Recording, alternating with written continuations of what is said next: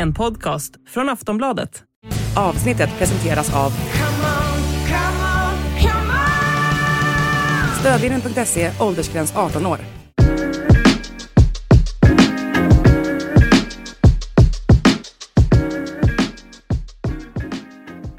Allsvenska podden är tillbaka den här veckan och vi har en fulltalig kedja här med eh, Per Boman, Linn Nordström och eh, mig Daniel Kristoffersson. Eh, per Boman, du är hemkommen precis, eller precis, några dagar sedan från januariturnén i Algarve. Eh, vi vill ha en snabb eh, rapport därifrån. Vad stack ut? Vad tar du med dig därifrån?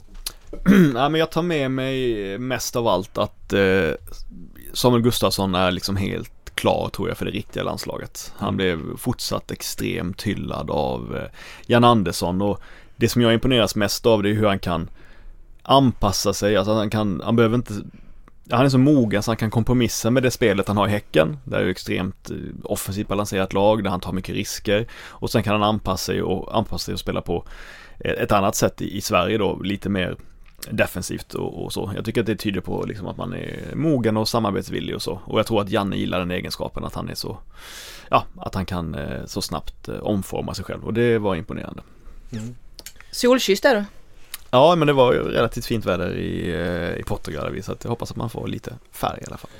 De spelare snackas om mer var ju, ja men Hjalmar Ekdal som gjorde det bra, mm. eh, Yasin Ayari som gjorde det bra. Ja. Var... ja men där kan man väl säga att eh, Hjalmar Ekdal och Edvin Kurtulus kom in med lite samma status mm. efter att ha varit med i riktiga landslaget båda två tidigare och där får man väl nog ändå säga att en sån som Hjalmar Ekdal stack ut mer eh, positivt än Kurtulus. Kurtulus har såklart också alla möjligheter att framöver bli en, en, en liksom så kallad riktig landslagsback. Men jag upplever att Hjalmar Ekdal var tydligt eh, bättre tyckte jag i, i den matchen han startade eh, jämfört med vad Kurtulus var. Så där, där tror jag att Ekdal har tagit ett, ett tydligt kliv framför då eh, mittbacksrivalen om man ska säga så. Var det någon mer som inte imponerade på dig? Ja, eh, ja det var det faktiskt. Eh, Armin Gigovic tyckte jag hade väldigt svårt i, i andra matchen han fick starta mot eh, mot eh, Island där vi, han, fick, han spelade ju ingenting första matchen han fick starta mot Island. Jag tycker han var eh, feltajmad, eh, eh, övertänd, eh, tappade liksom lite fokus, hade, fick inte riktigt ordning på positionsspelet så, så jag tycker han hade, problem. Och jag tycker faktiskt det var synd att eh, Bilal Hussein inte fick starta någon match. Han var ju duktig, mycket duktig. Jag har ändå varit ganska kritisk till Hussein liksom förra säsongen, men han var duktig i båda inhoppen. Första matchen mot Finland, han var duktig i andra inhoppet mot, mot Island och borde varit en av de fyra som fick starta en match. Så där tycker jag Janne kom lite fel. Ja, spännande. Mm. Eh, sen eh, skrev du lite roliga artiklar, eller roligt, tråkigt för Jan mm. Andersson. Han har ingen knäskada som har gått och, och haltar och ska operera sig. Mm. Men det är ingenting som kan eh, liksom eh, förstöra hans chanser att leda Sverige i de här kommande kvalmatcherna. Nej, det lät på honom att han absolut skulle anpassa det utifrån det ja. liksom, schemat. Men han måste säga att han haltade liksom rejält. Liksom. Ja. Det var som att eh, det var en en klart äldre man man såg framför sig om man får vara så ofin och säga så om, eh, om honom. Att, att, men, men han eh, menar väl på att det fanns kanske någon möjlighet att det skulle bli bättre framöver. Men han har haft problem tidigare. Han sa ju det för något, jag tror det var tre år sedan. Eller ja, jag kommer ihåg under januari-turnén Han sa att han hade brutit knät eller något sånt, vilket är omöjligt att göra väl. Men, men, eh, men det var ju samma skada då så att, men han verkar lida av det liksom. Det är nog en sorg det att inte kunna få vara så aktiv som man vill. Du har haft koll på de här matcherna också Linn. Är det någon spelare som du tycker sticker ut eller som du tror vi kommer att se mer av i landslaget framöver förutom Gustafsson? Nej, det är väl Gustafsson framförallt och sen att eh, kanske att eh, men som Hjalmar Ekdal att man förstärker sina, sina aktier men eh, an, alltså annars tycker jag man satt ju och kollade på de matcherna för att, för att man var tvungen. Det var ju inte, mm. var ju inte jätte jätteroliga 90 minuter. Nej men jag tror ju en sån som Yasin Ayari, kommer han till ja, rätt, rätt klubb nu och, att, uh... så tror jag att han kommer vara med i snacket framöver. Det känns som att när exceptionell just att han är 19 år, har fått chans i A-landslaget. Kommer han till rätt klubb nu då? Eh, Brighton är på och hugger och ja, om det blir Belgien eller om det blir Premier League direkt då så tror jag att de eh, om man kan få speltid där så tror jag han kan få en riktigt fin utveckling. Vi ska komma tillbaka till Silly Season och Ayari, Ekdal och eh, Kurtulus vad det lider. Sen ska vi, vi ska först gå in på lite spådomar här. Vi har ju eh, eh Du har gjort massa knäck här från ehm, eh, eh, Algarve här med spådomarna. Var det du som kom på den här grejen med liksom? Ja. Eh, för det är, är, ju väldigt intressant att se när spelarna, alltså det är ett, ett, ett, eh, segment ska vi säga, eller en artikelserie som vi har på, på Sportbladet där eh, spelarna får spå lite vad de tror och kommer eh, hända i deras lag och vem som kommer sticka ut och vem som vinner skytteligan och sådär. Mm. Ja, ja, men det, vi, vi, gjorde det för några år sedan på någon januari Jag tror Simon Tern första gången gjorde det med. Och ja. så var det populärt helt enkelt och uppleva att eh, många supportrar gillar att få det ja, tycker det är helt okej okay, i alla fall att få det formatet att eh, läsa om. Och vi snackade om bilderna där förut Linn, du var intresserad av hur, alltså det ser ju ut som du har någon form av, vad, hur går det till? Ja, jag trodde att det var ett 100% montage eller ja. att du hade tagit med dig en spåkula. du går alltid bär på en spåkula. Ja, precis. Nej, men det var de här Men han har ju alltid en ryggsäck ja, så man undrar ja, som, vad som är i den. Ja, nej men det är de här genierna på bildbyrån som eh, kan göra mycket av lite va. Så de har, tar, tar en enkel blixt och sätter den framför sig och sådär. Köper alla spelarna eller var det någon spelare som du tycker har svårt att följa instruktionerna när det kommer till att omfamna en spåkula? Nej, jag måste säga att alla var mycket mycket liksom eh, trevliga och ställde upp på ett bra sätt. Så det var, men det är ju inte kanske helt bekvämt att posera som en spåman så. Eh, men jag tycker de gjorde det, det var bra bilder. good sports, så det var mm. bra. Kul. Eh, och vi ska gå in på våra eh, spådomar här lite grann. Vi fortsätter på den inslagna succévägen så att säga. Mm. Eh, det är ju en allsvenska som Ja men om, om, det är ju en lång försäsong snackar vi alltid om här i, i, eh, i Sverige och Allsvenskan. Men jag menar cupmatcherna, nu drar det igång med läger här om några veckor. Alla åker till Marbella och Algarve eller vad det är. Och eh, sen så drar ju cupen igång här så tävlingssäsongen är ju inte så långt bort. Det är tur det, det är så jävla ja, tråkigt det allting. känns som Svenska cupen där har levt upp lite grann med gruppspel och alltihopa. Men eh, och även om inte trupperna är helt satt och många lag har väl satt i, i 90% av trupperna. Det är väl några lag som ska in. AIK ska väl in massa spelare spelare. Eh, Hammarby har, är det ju full, full huggning i eh, och sådär. Men annars är det väl ganska lugnt. Det kan väl komma in någon sån där strövärvning och Malmö kanske tar in någon. Djurgården brukar alltid Bosse Andersson ha någonting i bakfickan och sådär. Men, men eh, eh, ja, det är väl hyfsat satta trupper i alla fall, även om det kommer hända en del. Så vi ska försöka spå lite grann här. Eh, först ut eh, som jag undrar då, vem tror ni som det ser ut nu då? Tror ni av tränarna som kommer få sparken först? Börja med Boman då. Ja, jag kan börja och då säger jag faktiskt eh, Christer Mattiasson Sirius. Kanske, ja, det kanske är hårt och Sirius är inte direkt kända, de är inte sådär kända för att direkt sparka tränare. Nej. Men eh, jag, jag undervärderar ju alltid Sirius, underskattar alltid dem. Jag tror faktiskt nästan alltid att det ska gå åt skogen för dem. Eh, jag har liksom, av något skäl så, så har, känner jag på mig att det ska gå dåligt för Sirius och i år så tycker jag att de, jag, jag liksom, jag, jag ser en, jag, jag, ser inte så tydliga styrkor i deras trupp faktiskt. Jag tycker det känns som att en hel, en hel del stadga har försvunnit också så att eh, jag tror det kan gå dåligt för Sirius och därför tror jag att eh, Mattias som skulle kunna eh, ligga illa till. Linn, vad säger du gällande vilken tränare som var sparken först? Eh, då säger jag Glenn Riddersholm. ja, varför skrattar du? Nej, jag, jag, jag, visste att ni inte skulle säga han båda två så att därför fick, det, det, Skulle du säga det också? Ja men det får vi se, jag är inte, jag är inte klar än. Det får du får börja. Ja. Men jag säger för Glenn Riddersholm och ja. Eh, jag har svårt, eh, om jag ska ha en kort motivering då, mm. så har jag svårt att se hur han eh, hämtar tillbaka omklädningsrummet efter eh, förra säsongen och jag eh, såg inga tecken på den den briljans som eh, det skrevs upp att han skulle ta med sig in i allsvenskan när han blev klar som ny tränare för IFK Norrköping. Och nu när man tappar eh, Jonathan Levi också så har han, eh, alltså han har en bra spelartrupp men jag har bara svårt att se att han ska lyckas på den nivån som IFK Norrköping kommer sätta som mål. Mm. Ja, då säger jag Henrik Rydström. Mm. Nej då. Eh, jag, jag hade ju innan eh, förlängningen, ja, det, innan det. förlängningen med Totte Nyman så skulle jag säga att jag var rätt säker på att han skulle vara den första som åt sparken. Men nu har Totte Nyman förlängt och man visserligen blivit av med Jonathan Levi, men de kommer värva en del. Så kanske eh, en skadefri Totte Nyman kan rädda Riddersson Holm kvar. Eh, och då finns det, det finns liksom sådär givna på förhand då. Eh, Micke Stare kommer ju vara lite pressad mm, i Göteborg. Eh, han behöver nog en bra start. De kan också komma och värva en del som kanske eh, räddar upp det där. Jimmy Thelin kommer ju aldrig få sparken. Eh, Cifuentes har jag väldigt svårt att få se att han får sparken. Kim och Tolle kommer inte få sparken. Henrik Jensen eh, sitter nog ganska alla. säkert. Per Mattias Högmo också. Men nej, men jag säger då också då om jag får välja så säger jag väl ändå Riddersholm då. Även fast jag tror att förlängningen av Toto Ryman kan ha gjort så han får lite mer tid på sig. Men han behöver en, en bra bra start i alla fall. Det är så det... sjukt att bli hånad av Per Boman efter första svaret. Nej, det var inget hån. Nej, nej, det var inget hån. var, var, ja, var det någon spelare, det var ju lite roliga svar ändå i, eh, i spåkuleartiklarna. Men var det någon som du hånskrattade Nej, nej, det var ju bara ett litet leende i, i mjugg. ja. Eh, om vi går in på eh, nästa då. Vem tror ni blir Allsvenskans skyttekung mot för vad vi vet nu? Det kommer ju Eh, vi, vi, tar för givet att Marcus Antonsson och Alexander Jeremejeff lämnar. Sen kommer det, och, och vet om Berisha också. Sen kommer det säkert komma in någon eh, skyttekung som man kanske inte har koll på. Men mot för där vi är nu då den 17 januari. Vad tror ni? Vem tror ni blir skyttekung? Vill du börja Linn eller? Ja, då tror jag eh, att eh, Eh, fan jag borde tänkt igenom detta noggrannare. Jag tror ja. att Viktor Edvardsen tar revansch då. Mm. Jag tror mm. att han tar med sig det det är liksom, nu har det satt sig i spelet mer, han är inte lika, jag ska inte säga att han var rädd för Kim och Tolle första säsongen men det, det kanske man ändå har all förståelse om man är. Eh, och att de kanske kan anpassa sig lite mer efter, efter honom också. Eh, så jag tror att eh, Victor Edvardsson tar, eh, tar revansch i år. Eh, apropå Edvardsen så eh, var det väl han som ändå var mest nöjd med att komma med på januari 3 och mm. få debutera i Allsvenskan. Vad, vad sa han om det? Vad, snackade du med honom någonting? Ja, han var på jävligt gott humör ja, måste jag säga. Det förstår man. Eh, Eversen. Nej, men han kändes jävligt Var det för att han hade träffat Fröken Snusk?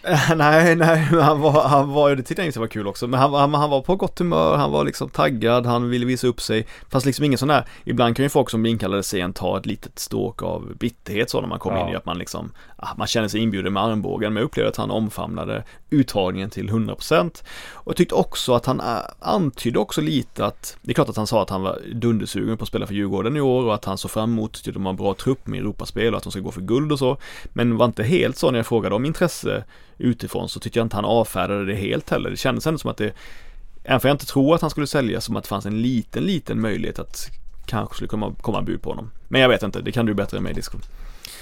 Eh, men om man säga min eh, skyttekungskandidat ja. så eh, är jag ju Isak Kistelins största supporter mm. här i Allsvenskan och det blev väl 12 mål tror jag förra året trots en mycket knackig säsong för, för Malmö och trots att han själv inte kom upp i normal standard men kollar man effektivitet så var han utöver Jeremejeff och Antonsson den som om jag minns rätt när jag kollade upp det i höstas hade den som, som, som liksom eh, ja men helt enkelt har eh, sitt XG är närmast antalet mål han gör helt enkelt. Om ni förstår vad jag menar. Han levererar mm. väldigt bra utifrån sitt XG och är effektiv. Eh, mer effektiv än många tror. Och jag tycker också han är, en mer eh, liksom en skickligare avslutare än, än, än, än, vad, än vad vissa ibland eh, vill ha det till. Eh, och sen är ju lite bekymret där att Rydström har ju liksom aldrig någonsin satsat stenhårt på en klassisk center. Han har ju aldrig egentligen kört fullt ut på en sån spelare. Så att det är klart, där finns ett litet bekymmer. Men jag tror ändå att han kommer ge Kistelin chansen att vara eh, den här talismanen, den här eh, vägledande anfallaren i, i Malmö. Och då tror jag att i ett mycket bättre Malmö så har Kistelin chansen att göra uppemot 20 eh, mål. Så att jag säger han. Ja, jag hade också tänkt säga Kiese men nu kan jag inte säga samma. Så då säger väl jag John Guidetti då. Mm. Eh, får säga att han har ju Eh, från att kanske inte lagt ut så mycket bilder på Instagram eh, så kör, har man ju sett mycket sådana här träningsvideos nu när han kör mycket styrka och han verkar vara mer motiverad än någonsin och med tanke på skadefrekvensen han hade förra året och han gjorde ju en del mål och var ganska effektiv får man säga. Så att eh, jag säger John Guidetti. Jag tror att AIK kommer att spela mer offensivt under Andreas Brännström också. Han Omar Faraj blir spännande mm. att se på topp och sen kommer de säkert ta in ytterligare en offensiv spelare eh, som kan bli ganska bra. Så att jag säger John Guidetti då. Mm. Eh, det kommer bli, det är hårt, om man tittar på nu så finns det ingen sån där given. men Totte Nyman om han är skadefri också. Men det mm. beror på liksom vad IFK Norrköping gör. Nahib Besara kan han fortsätta, vad gör Hammarby? Liksom, de kommer ta in en anfallare också. Så att, eh, ja, jag håller med om att det är väldigt ovisst kring ja. skyttekungskandidaterna. Och hittills då, vad säger ni då då? Vilken, vi går vidare till nästa kategori. Och vem blir årets värvning? Ja, ska jag börja då? Ja, då får du börja. Mm, ja men då eh, är det, jag tycker det har varit väldigt, väldigt många bra värvningar så här långt i årets mm. allsvenska och väldigt tidigt som du sa innan Disco, väldigt, man har skött sig bra klubbarna, många av dem, att man har fått ihop sina trupper i relativt god tid och det har kommit in väldigt, väldigt många intressanta namn upplever jag då. Eh, men jag väljer faktiskt att jag tycker att den värvningen som imponerar mest på mig det är trots allt, även fall han inte kommer vara dominant allsvensk spelare i år förmodligen så säger jag Lukas Bergvall till mm. Djurgården. Jag tycker att det är grymt imponerande att Djurgården ser till att han tar det här mellansteget inom allsvenskan. Eh, för jag menar han är så pass stor talang att han såklart hade kunnat gå utomlands för länge sedan och redan nu skulle kunna göra det. Då tycker jag att det var bra, eh, bra helt enkelt gjort av Djurgården och, mäkla den affären även fall såklart att det Eh, agent eh, Peter, eller Kisvalodi var ju såklart viktig i det men att han, att han värvades till, till Djurgården så de kunde få den här trion såklart, såklart det hade mycket med saken att göra men men du agent? Ja, ja, men, ja, ja exakt, exakt. Men, men, Ja men vi förstår vad du menar. Vi förstår vad du menar, han är ju inte agent men ni fattar. Eh, Så att, eh, och jag, men helt enkelt så var det starkt att få loss honom och jag tror att han eh, Min uppfattning efter alla människor jag pratat med och det jag sett så är han en Kanske inte en talang av det är inte säkert att han är liksom Alexander Isak-klass, det är väldigt få som har varit det men strax under det tror jag definitivt att han kan vara. Ja det känns ju som han har imponerat väldigt på Djurgårdens mm. träningar när man pratar runt med spelarna där redan nu och han har ju bollbehandling som ja. ja men ingen 16-åring i Sverige har så att han ska bli väldigt intressant att följa. Och jävligt offensivt liksom, en ja, offensiv satsning exakt. av Djurgården. Jag kan, jag kan verkligen respektera det så att eh, ja, jag tycker att det är nog att det är det mest imponerande än så länge. Mm. Vill du säga ditt först? Nej men jag var ju inne på lite grann av de här Dordis-värvningarna. Det är mm. också en Djurgårdsspelare, eller Dordis-värvningarna. Men Djurgården har ju varit ganska lyckosam och värvat ehm, eh, ja, men, eh, Marcus Danielsson en gång i tiden och som, som blev väldigt bra. Eh, och gjort Doldis?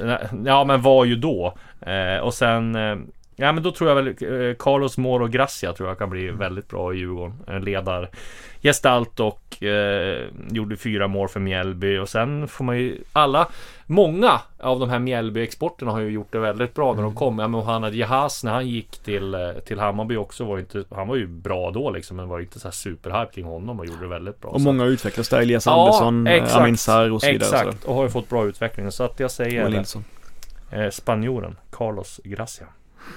Eh, jag tycker det var jättesvårt att ta ut ett namn. Men jag, och sen vet jag inte om jag är färgad för att det nyligen blev klart. Men jag har ju alltid gillat eh, Saku Ylätupa. Mm. jag tror att han är bara 23 år. Var väldigt skadedrabbad i, i AIK men man såg ju ändå honom Alltså verkligen blänka till där på ett imponerande sätt och sen var jag uppe i Sundsvall och såg när Sundsvall förlorade mot eh, Hammarby med, jag tror det blev 5-1 och då gjorde Ylätupa 1-1 målet och då såg man mm. liksom den här glädjen i honom att eh, fan nu kanske det, nu kanske det vänder, sen gjorde det ju absolut inte det.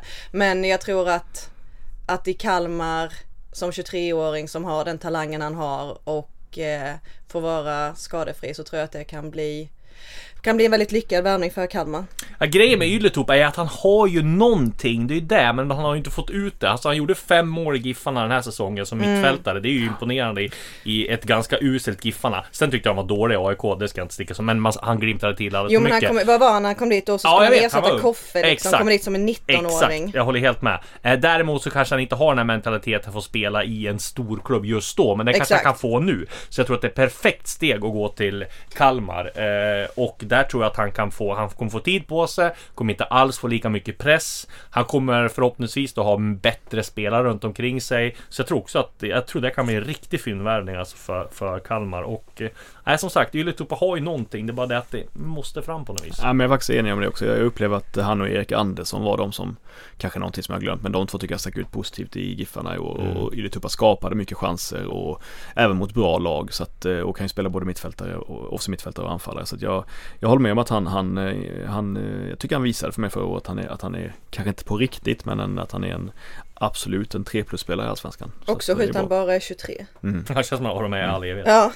Eh, går in på något lite känsligare då. Vem tror ni blir, eh, eh, vi ska inte säga så här att det blir årets flopp, men att det mm. finns en liten floppvarning.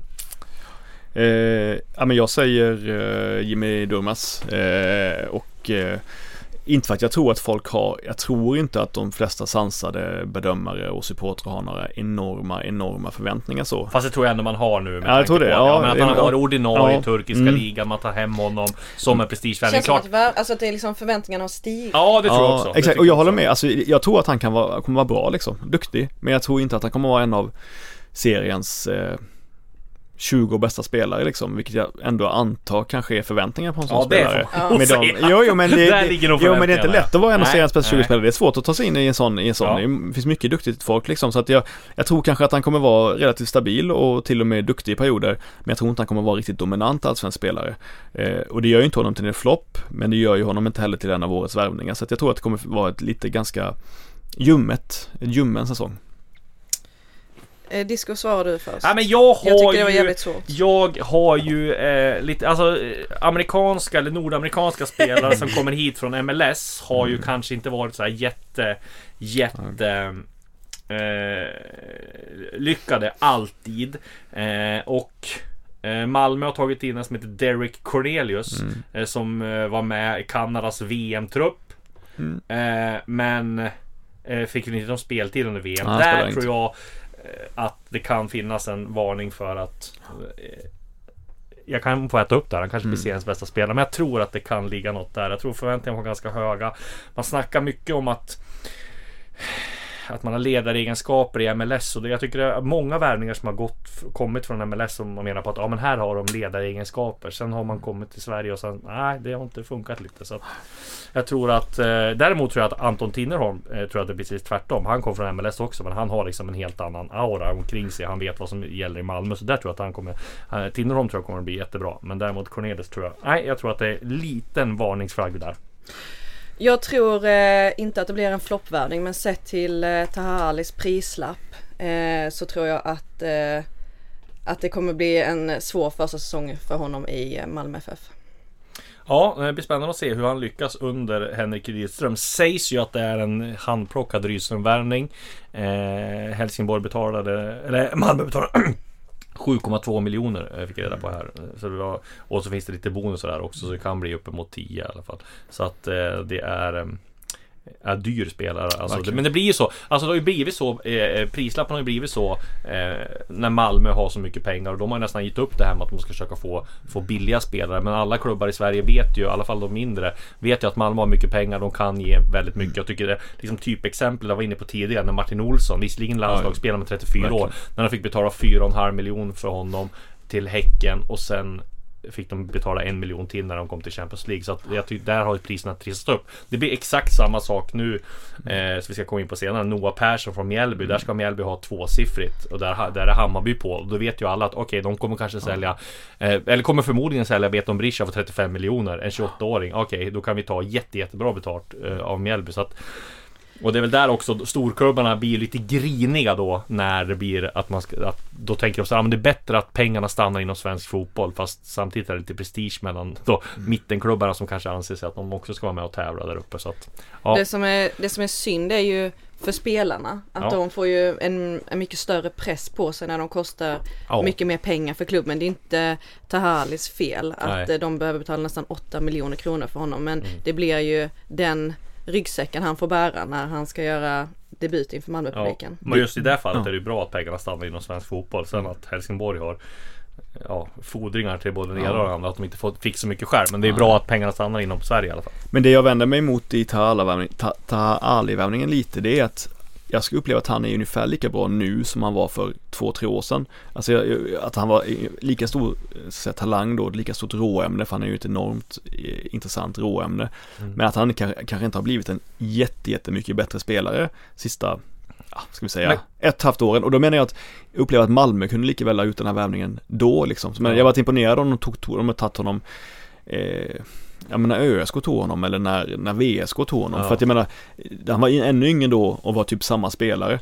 Eh, och det, det, är klart att då kanske inte, då var inte Rydström där, då kanske inte man ville ha honom. Men jag menar bara att, att ta, att ta Ali nu för de pengarna tycker jag liksom inte är särskilt imponerande sportchefskap direkt när han har funnits ja. tillgänglig med många tillfällen tidigare. Mm.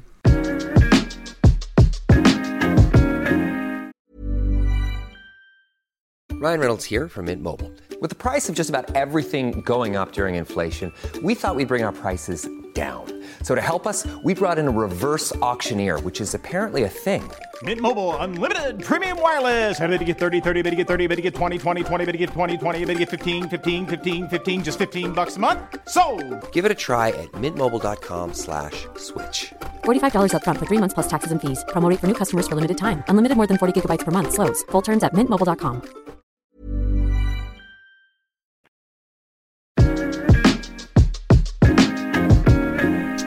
Eh, om vi går bort då från spelare så tar vi årets eh, överraskning gällande lag. Ja, eh, och då kanske man inte kan säga att eh, det är överraskande att Kalmar FF pre presterar bra eftersom att de eh, gjorde det otroligt bra förra året. Men man kan väl ändå säga att när man har ny tränare och eh, spelare som har lämnat så tror jag att eh, Kalmar kommer imponera även i Allsvenskan 2023. Ja, jag mm. tror ju Halmstad kan ha något lite spännande på gång där med Magnus Haglund. Jag tycker de har värvat lite smart där, spelare som passar in. Framförallt tror jag Viktor Granat kan bli ganska bra under Haglunds ledning där. Skytteligavinnare från Superettan som de värvade för ganska, eh, ja, eh, några miljoner där. Eh, så jag säger att Halmstad tror jag kommer överraska många. Det var bekymmersamt nu för mig då att ni tog de två lagen jag hade. Först hade jag tänkt Kalmar och sen så, så nyper Lindom och sen säger du HBK.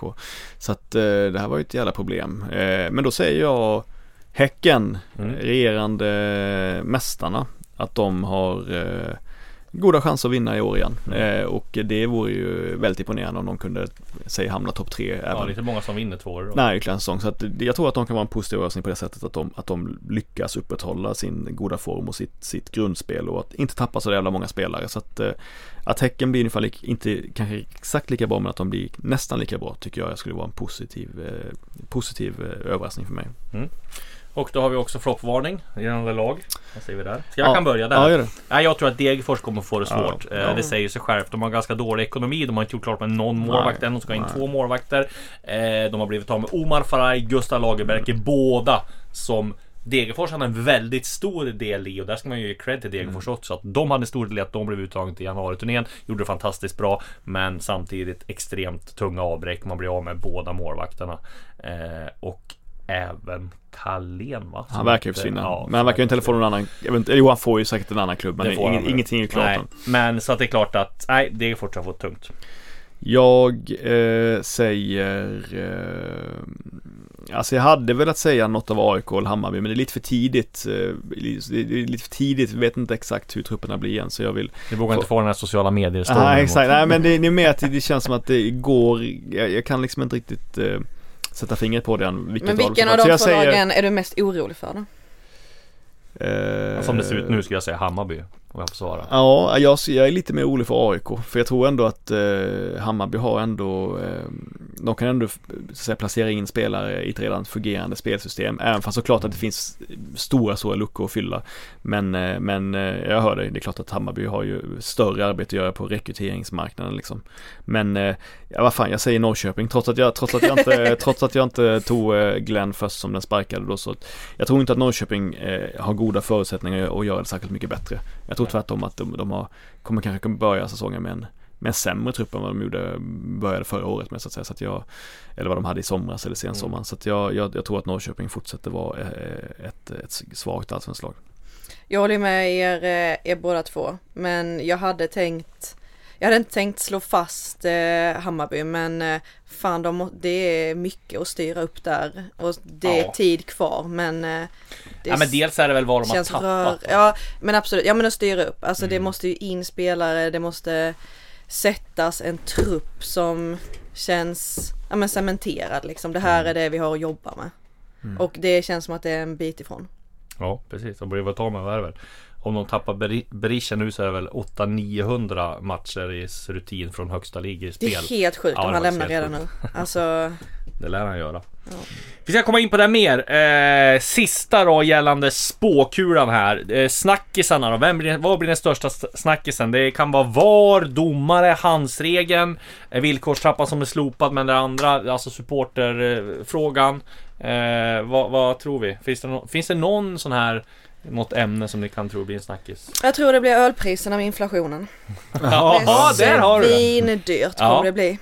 Det var dyrt redan förra året, kommer ja. inte bli billigare att köpa Nej. öl på arenorna nu. Ja, det var... Den är ganska dålig ölen också har man ju förstått va? Det inte Fotboll mm. Stockholm som hade sån där öltest? Jo, så var det så. Ja. Det, var ju, det var ju också, det var ju också någon typ av protester förra året från Bayern-supportrarna okay, ja. om, om ölen var så dyr. Ja, de har inte råd med att ha kylskåpen igång. Säkert pissljum en öl som är pissdyr. Fickpluntorna kommer säljas som smör. Man ska starta en fick, fickplunt-affär. jag, jag, tror att den, den tyste Fredrik Reinfeldt, du, om han är en av de tre nu då som ja. valberedningen plockat fram, att han eh, för att utmärka sig själv går ut, går ut med någon riktigt dum eh, tanke tror jag under våren. Att han liksom för, för att positionera sig i striden om, om vem som ska bli ny ordförande för förbundet så kommer han, tror jag, lockas till att säga någonting eh, oklokt, vilket blir en stor snackis under våren. Det tror jag. Mm. Ja, jag tror att hans regeln kommer vara en fortsatt diskussion. Och, domarna säger jag. Eh, för att göra enkelt. Ja, därmed så stänger vi eh, spå eh, kulan för den här gången. Vi kanske kan återkomma med det här om någon månad innan premiären också när vi vet mer om, om trupper och snackisar och, och vilka som har lämnat och vilka som har kommit till. Eh, och så nu ska vi gå på ett litet silly-segment här. Ja, vi börjar direkt med det som vi kunde avslöja förra veckan att Brighton eh, eh vill eh, ha Yassin Ayari från AIK.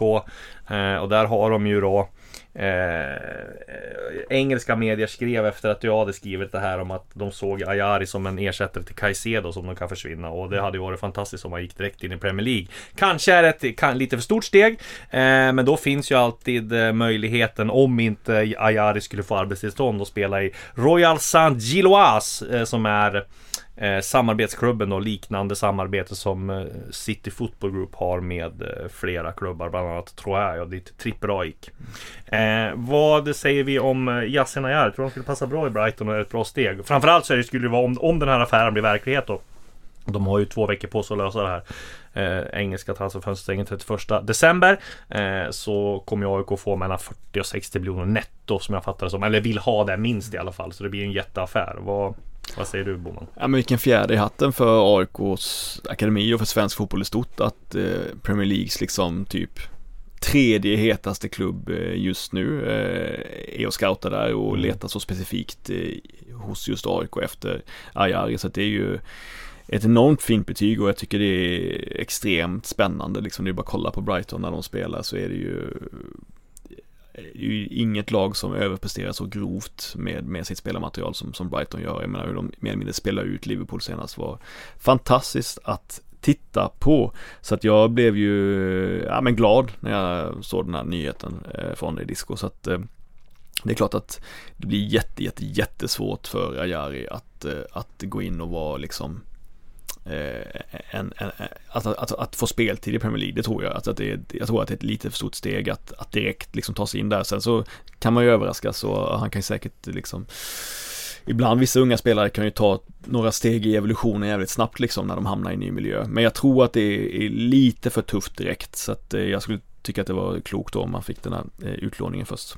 Ska vi säga då att Royal Saint-Gilloise ligger tvåa i Belgiska ligan? Ja och de har ju Malmö mött och det var ja. inget dåligt lag kan jag meddela så att eh, det var Spelar ju de här, alltså de här samarbetsklubbarna är ofta väldigt synkade Spelar samma spelsystem, samma offensiva fotboll och sådär Så att det är också väldigt bra Ja jag tycker de var jättebra mot Malmö ja. framförallt hemma, belgarna Och sen får man ju om inte han skulle få något sånt där undantag Undantag då på arbetstillstånd så får man det ju väldigt lätt Det var ju Jesper Tollisson gick ju till i Man City Group, han gick, eller City Football, han gick ju till Lommel Och de är ju andra divisionen, där är det ju svårare liksom att jobba sig in och sen är ju inte han aktuell för Manchester City. Men just om man är i högsta divisionen så är det enklare att bara spela ihop de här poängen som behövs för att få arbetsinstånd ganska, ganska enkelt. Då. Va, vad säger du Linn om, om Ayari? Att eh, han känns som en spelare som är rätt så klar mentalt också. Det lilla man, eh, jag har pratat med honom så känns mm. som att det är ett stort steg men det finns ju andra spelare som har gjort eh, liknande steg som man har varit mer orolig för. Mm. Att eh, komma till eh, en så eh, pass stor miljö. Men eh, det hade ju varit eh, jätteroligt och jävligt coolt och ett sånt steg som jag tror att Ayari som spelare verkligen hade blivit triggad av och växt in i mer än att det hade skrämt honom. Ja, det blir en av de största affärerna från Allsvenskan om den blir av. Vi får se här vad, vad som händer de kommande veckorna. Om vi ska vara kvar i eh, England då så är ju Albin Ekdal, eller Albin Ekdal, Hjalmar Ekdal aktuell för Burnley fortfarande. Där var det ju så att de var, hade ju samtal med Djurgården för någon vecka sedan som vi skrev om. Eh, och sen så eh, berättade Bosse Andersson för Fotbollskanalen tror jag det var att de stannar av de här samtalen. Att de, inte, de hörde ingenting på en vecka. Sen värvade Burnley en mittback, en belgisk mittback. Men nu är samtalen återupptagna igen. Eh, och nu hoppas ju Hjalmar att det blir den här övergången till Burnley ändå. Det ska sägas att han har berättat att han har haft, för Fotbollskanalen berättar att han har haft samtal med Vincent Company. Som jag fattar det som så vill eh, Company verkligen ha in Ekdal i det här lagbygget. Eh, men Ja, det är väl så att tränaren... Eh, Burnley har amerikanska ägare så det är ju lite speciellt med, med de amerikanska ägarna och tränaren ja, vill väl inte gå in i förhandlingarna sådär. Ibland kan det ju vara i klubbar i vanligtvis har ju tränaren väldigt stor makt. Här tror jag liksom att eh, ägarna har ganska, bestämmer ganska mycket. Så att, men förhandlingarna är återupptagna i alla fall och det lever i allra högsta grad. Det vore ju också väldigt bra steg för Ekdal där. Och, ja, verkligen. Eh, det hade varit så kul. De är ju, går ju rätt upp i i Premier League. Nej men med tanke på Premier League flugit, inte, inte liksom, åtminstone inte alltid spelmässigt men åtminstone ekonomiskt ju flugit ifrån alla andra ligor ja. i, i världen på ett ju otroligt snabbt sätt och, och eh, när det är nästan en ravin mellan Premier League och de andra toppligorna så är ju såklart ett topplag i Championship en, eh, en guldbiljett upp till den scenen liksom. Dels med, med eh, Ahmed Hodzic som gör det jättebra i Championship ja. och, och, eh, det är klart att, eh, att Ekdal har sett den utvecklingen och, och, och hur, eh, hur attraktivt det kan vara så att det är klart att han verkar, jag pratade också med honom kort om, om Burnley där på januariturnén och han verkade ju otroligt sugen på att gå dit måste jag säga. jo men alltså, det är ganska, det är jättemycket pengar i Championship också ja. bara för spelaren. Jag tror, alltså han kommer inte tjäna under 200 000 i veckan. Nu är skatt på det också i ligan men alltså där ligger ju någon form av snittlönen i Championship är ju väldigt, väldigt hög. Kommer ja. ihåg när Alexander Kasanikli spelade i Fulham. Han hade ju redan då, det här var ju 2012 när de spelade Champions, eller Championship 2013 så hade han väl 200 Det är ju rejält mycket högre då än den svenska snittlönen ja, som är runt 100 000 så att, ja, men, ja. Eh, viss skillnad. Exakt i månaden. Eh, vi går vidare. Vi har Hammarby här som det är full huggning. Där har vi Veton Berisha som är på väg eh, till Molde. Eh, där är det väl bara små detaljer som återstår. Där är det ju så att Hammarby vill, gå Hammarby vill gå plus på den här affären och ganska mycket plus också. De la ut ungefär 27-30 miljoner totalt med övergångssumma på 16 miljoner med sign-on och med agentarvoden och sådär. Så att de vill ha 35-40 miljoner. Och det verkar väl, om man ska tro alla rapporter från Norge, Nettavisen och TV2 Norge har ju varit på det här ganska länge. Vi skrev att de nobbade ett bud på 24 miljoner för 10 dagar sedan. Mm. Eh, så det är väl bara detaljer som återstår där eh, innan Veton Berisha blir klar. Eh, och där är det ju, där vill Hammarby ersätta med Mikkelsen då från Tromsö, 22-årig eh, tidigare u landslagsman. Det är ju Hammarbys högsta prioritet där att få in honom i, i, i truppen. Eh, där de ser att de kan liksom Eh, sälja honom vidare sen när man gör det bra. Eh, och där blir väl Tromsö omkring 15 miljoner. Och det jag fattar som alla jag snackar med säger att Hammarby eh, kommer lösa den om inget oförutsett inträffar. Så att ja, jag tror att där är det eh, Mikkelsen skulle bli jätteförvånad om han inte spelar i, i Hammarby nästa eh, eller Hammarby det här året.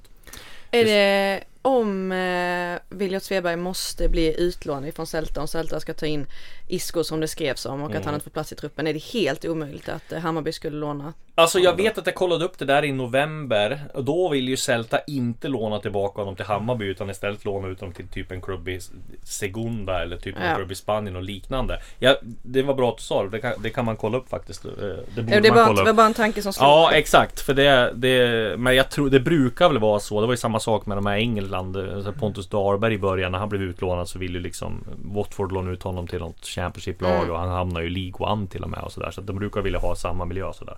Jag måste säga att det är också, alltså eh, på ett sätt är det ju såklart ett misslyckande att gå in så hårt för Berisha. Han ska bli vår, eh, han ska bli lagspelaren som leder oss i offensiven. Han ska dunka in mål, han ska skjuta hem guld till oss. På ett sätt är det såklart ett misslyckande att sälja honom efter ett, efter ett halvår. På ett annat sätt är det ju, måste säga, otroligt starkt om de får tillbaka, om de får tillbaka plus på en spelare som ändå har nått den åldern eh, genom att sälja till en norsk klubb. Alltså jag måste säga att eh, eh även om de kanske säger att de trampade snett med Berisha, vilket ju verkar mycket som att eftersom han också vill lämna mm. eh, för Molde som ju såklart är en attraktiv klubb. Jag tror att mer så, att han vill, de, de kvalar till Champions ja, precis. League så, Ja, ja, ja Molde är ju jätteattraktivt ju. Ja, ja, det, är ju, det kan jag förstå. Men jag menar bara att sett till att, för att, för att vara ett misslyckande så är det ett väldigt framgångsrikt misslyckande måste jag säga, eh, Berisha.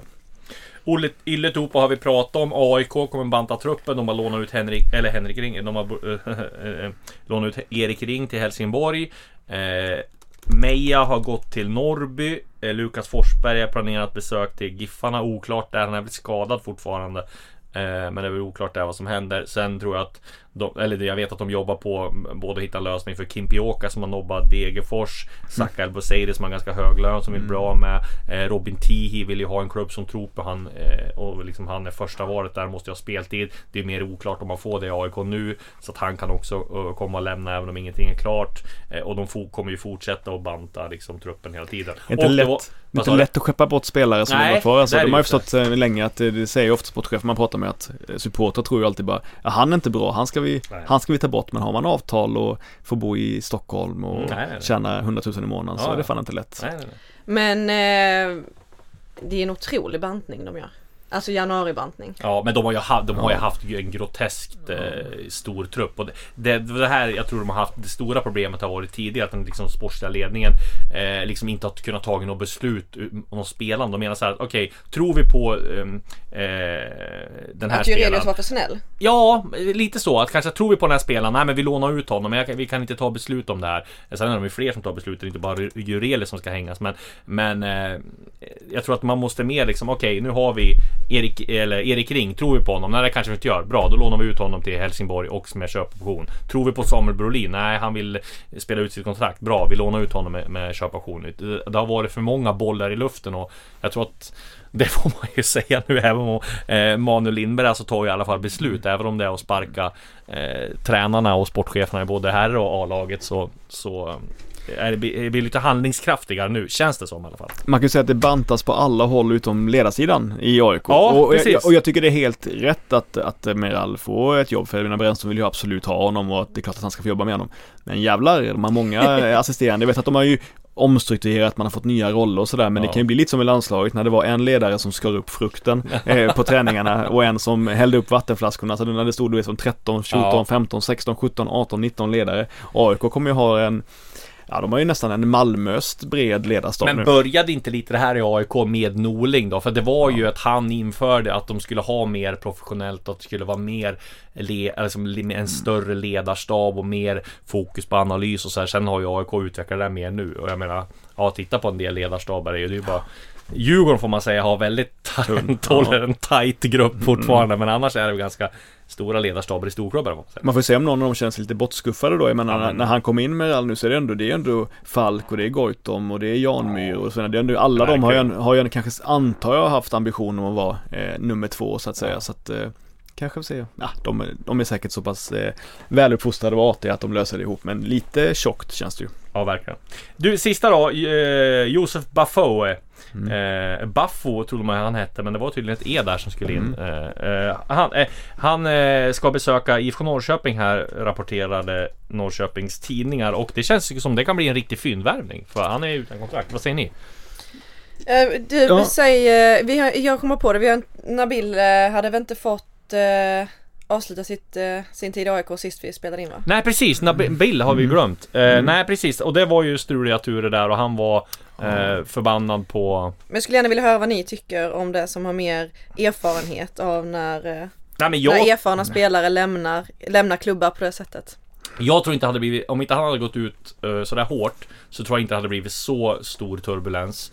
Uh, Jag förstår att han är besviken också och jag tror att han hade gjort väldigt mycket nytta i AIK En rutinerad uh, spelare som kanske hade även kunnat liksom ta och vara tredje forward. Sen är det ju skadehistoriken och där tog de det här beslutet. Det är klart att han blir besviken. Sen tror jag att han kommer få en bra klubb och han kommer tjäna sina pengar och sådär men Nej, det är ju det är inte bra alls att det blir sådär med en sån spelare som, som Bahoui är. Ja, jag tycker det är lite sorgligt för att han, när han själv verkar så tydlig med att han vill vara kvar eh, och jag upplever att det är en eh, på många sätt väldigt bra person, eh, Nabil Bahoui. Jag tycker han är, är, jag tror att han är en väldigt fin kille i truppen, men på plan ibland kan han se lite eh, småskuren ut och sur, han kan lätt göra lite gester och sådär och kan liksom bli väldigt irriterad på sig själv eh, framförallt då. Så att ibland kan man kanske tro att han har lite halvtaskig attityd, men jag tror absolut inte han har det i, i ett AIK-sammanhang, i ett truppsammanhang. Och rent objektivt, absolut, jag kan förstå att, att, eh, att man väljer att satsa vidare på andra så att säga. Men, men hade jag varit AIK-are, vilket jag inte är, så hade jag ändå hade jag känt en sorg över att han, han lämnar. Eh, just det som att eh, om han nu hade accepterat att vara en truppspelare så, så tycker jag att han eh, skulle kunna få chansen att vara det. Men det är inte, det är inget enormt dåligt beslut av AIK, det är det inte. Men jag tycker att det är lite jag tycker det är trist. Kommer sakna dem också i uh, mixade zonerna efter matchen. ja, ja, men jag tyckte alltid att han hade alltså, bra analyser, var ja. ärlig, kunde bjuda på sig själv, var inte så rädd för att säga vad han tyckte var vad han tyckte var dåligt. Det som är bekymmersamt lite är ju att han, eh, han bidrar ju inte riktigt med något annat än vad Faraj eller Guidetti gör just nu. De är ju relativt, jag ska inte säga, de är ju, han har utvecklats till någon typ av centertank nästan, Nabbe nu, även om han, även han kan droppa ner och fördela spel och så, så har han ju så, så, så tycker jag ändå Faraj och Guidetti fyller den kvoten ganska mycket så att han kanske inte bidrar med någonting helt annorlunda om han skulle hoppa in så där kan jag förstå så, så att säga men, men jag tycker ändå det känns trist. Mm. Ja, eh, sista då. Baffo, vad mm. säger vi? Kan bli en fyndvärvning sa jag, vad säger ni? Absolut, tycker det är lite konstigt att han har Alltså kul för, för Halland och HBK såklart att han har tillbringat så pass mycket tid där ändå men jag har alltid förvånats över att han inte har fått chansen i, i eh, ja till exempel när de åker ur och så vidare att han har stannat kvar och sådär. Eh, jag, jag, hoppas han blir kvar i HBK för jag skulle gärna se att Halmstad blev ett stabilt allsvenskt lag igen för jag ja, tycker det är en sympatisk förening och spelar på gräs och så, så jag har gärna kvar dem i Allsvenskan. Men absolut, ska, ska Norrköping ta en mittback så är han ett jätte, jättebra alternativ. Det skulle han skulle bidra med, inte kanske jätte, han är inte den perfekta så att säga bollspelaren, så att han kan bidra med enormt mycket, med sin enormt fina uppspelsfot alltid, men han är en bra försvarare, försvarare. Så att det hade varit eh, vettigt. Och med de orden så eh, avslutar vi Allsvenska podden för den här gången. Vi är tillbaka nästa vecka, samma tid, samma kanal. Hej då! Hej everyone! I've been on the go recently. Phoenix, Kansas City, Chicago. If you're like me and have a home but aren't always at home, you have an Airbnb. Hosting your home or a spare room is a very practical side hustle. If you live in a big game town, you can Airbnb your place for fans to stay in. Your home might be worth more than you think. Find out how much at airbnb.com/slash host.